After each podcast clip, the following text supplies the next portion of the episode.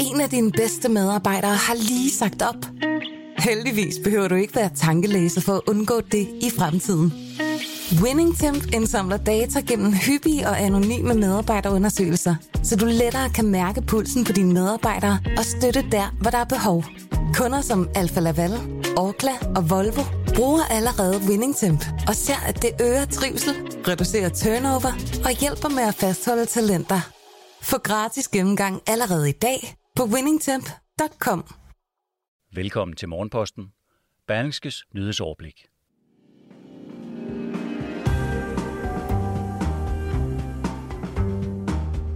Både forskere og Nationalbanken frygter milliarddyre oversvømmelser i København. Antallet af indlagte coronapatienter stiger på landets intensivafdelinger, og stort set ingen af dem er vaccineret.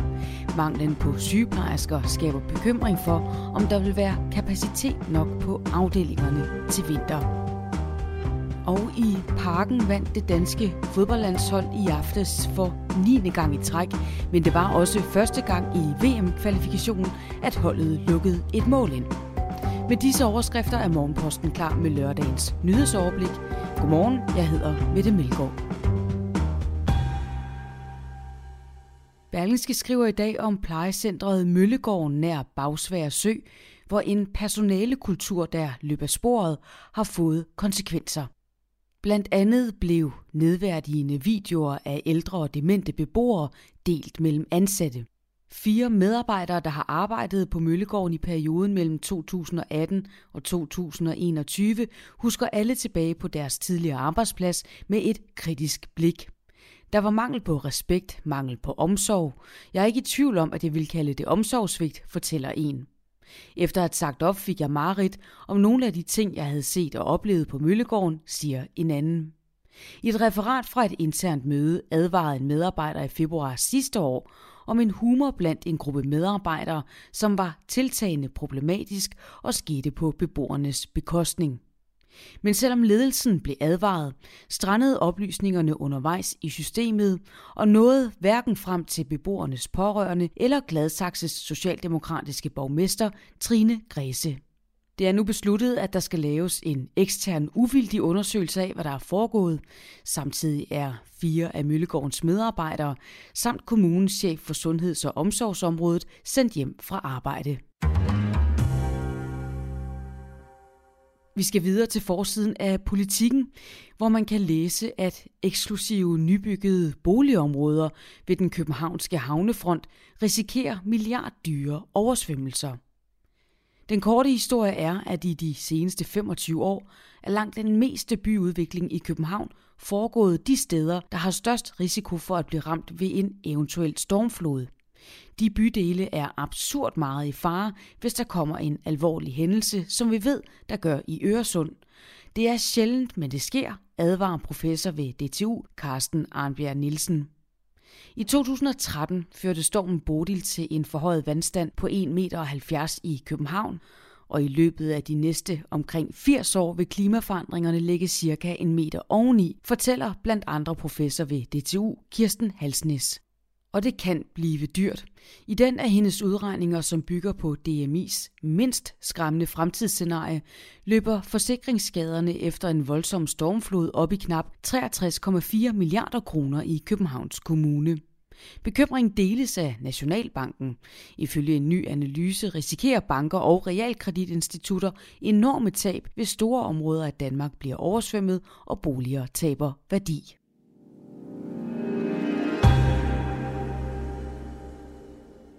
Flere og flere bliver indlagt på landets intensivafdelinger med corona, men vaccinerne beskytter i meget vid udstrækning patienterne mod at blive så alvorligt syge, at det truer deres liv. Det er derfor stort set kun uvaccinerede danskere, der i øjeblikket bliver indlagt på intensivafdelingerne, oplyser læger til Berlingske. Vi ser nærmest kun uvaccinerede. Der har kun været ganske få indlagte, der på grund af særlige immunsygdomme ikke responderer på vaccinen.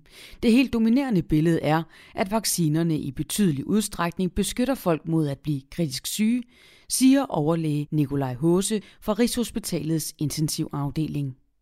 Overlægen har været i kontakt med kolleger på 10 andre intensivafdelinger, og her er meldingen den samme, nemlig at der blot har været et par vaccinerede blandt de indlagte, og at stort set alle altså ikke er vaccineret. Antallet af coronarelaterede indlæggelser har været kraftigt stigende gennem de seneste uger, hvor tallet er gået fra knap 100 i slutningen af september til 316 fredag. Langt den overvejende del indlægges på almindelige medicinske afdelinger, der har fået meget bedre behandlingsmetoder i forhold til blandt andet medicin, optimeret iltbehandling og lungefysioterapi.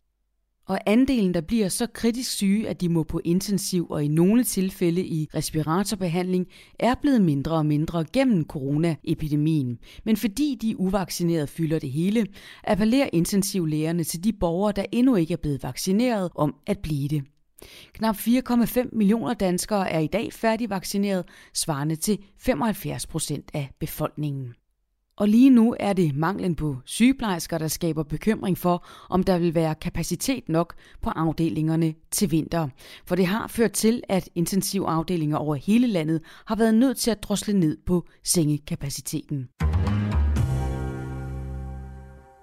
Vi bliver ved sygeplejerskerne og en meget direkte udmelding fra formanden for FOA og forhandlingsfællesskabet, Mona Strib.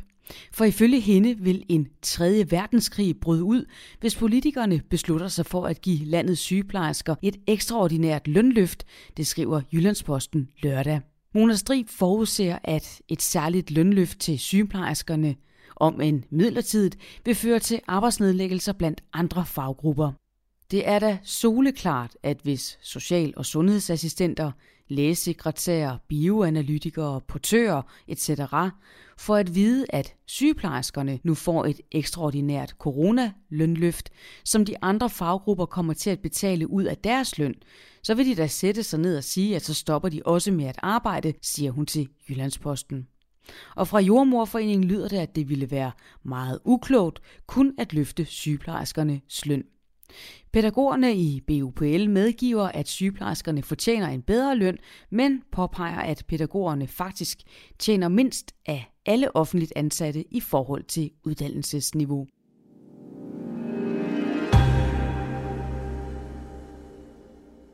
Antallet af teenagemøder har taget et opsigtsvækkende dyk de seneste fem år.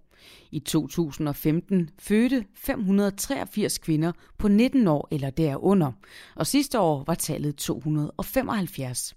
Eksperter har ifølge Berlingske svært ved at give en entydig forklaring på det markante fald. I samme periode er det generelle fødselstal nemlig steget, mens antallet af provokerede aborter er faldet markant. En forklaring kan muligvis findes i den udskilte præstationskultur, mener Lene Stavngård, nationalchef hos Sex og Samfund. Men den primære forklaring skal ifølge hende findes i brugen af hormonel prævention. Vi skal selvfølgelig ikke udskamme de få, der vælger at blive mødre i en tidlig alder. At gennemføre en graviditet eller ej er altid individets valg. Men det er en ubetinget succes for et samfund, at vi har et lavt antal uønskede graviditeter og et tilsvarende lavt antal aborter, siger Linde Stavngård. Parken lagde græs til årets sidste fodboldlandskamp på hjemmebane i aftes, hvor Danmark vandt 3-1 over Færøerne i VM-kvalifikationen, og det var Danmarks 9. sejr i træk. Men det var også første gang i VM-kvalifikation, at holdet lukkede et mål ind. Andreas Skov Olsen, Jakob Brun Larsen og Joachim Mæle stod for de danske scoringer, mens Færøernes Clement Olsen med reduceringen til 2-1 som den første passerede Kasper Schmeichel i kvalifikationen. Danmark, der som bekendt allerede har kvalificeret sig til næste års VM-slutrunde, spiller den sidste kamp i gruppen ude mod Skotland på mandag. Og netop skotterne sikrede sig med en 2-0-sejr over Moldova i aftes andenpladsen i gruppen, og dermed adgang til playoff-kampe om en VM-plads. På denne lørdag fortsætter Mink-kommissionen rækken af afhøringer. Og i eftermiddag begynder julestemningen så småt at brede sig i København. Julemanden kommer nemlig til Amager Torv kl. 14.45, og julelysene bliver tændt kl. 15.30. Og julemanden kan efterfølgende findes på Koldtorvet, hvor lysene i de omkringliggende gader bliver tændt kl. 16.30.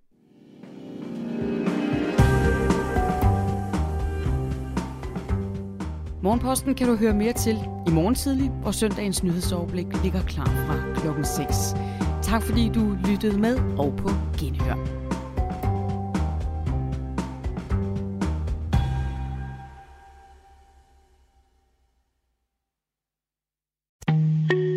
En af dine bedste medarbejdere har lige sagt op. Heldigvis behøver du ikke være tankelæser for at undgå det i fremtiden. WinningTemp indsamler data gennem hyppige og anonyme medarbejderundersøgelser, så du lettere kan mærke pulsen på dine medarbejdere og støtte der, hvor der er behov. Kunder som Alfa Laval, Orkla og Volvo bruger allerede WinningTemp og ser, at det øger trivsel, reducerer turnover og hjælper med at fastholde talenter. Få gratis gennemgang allerede i dag på winningtemp.com.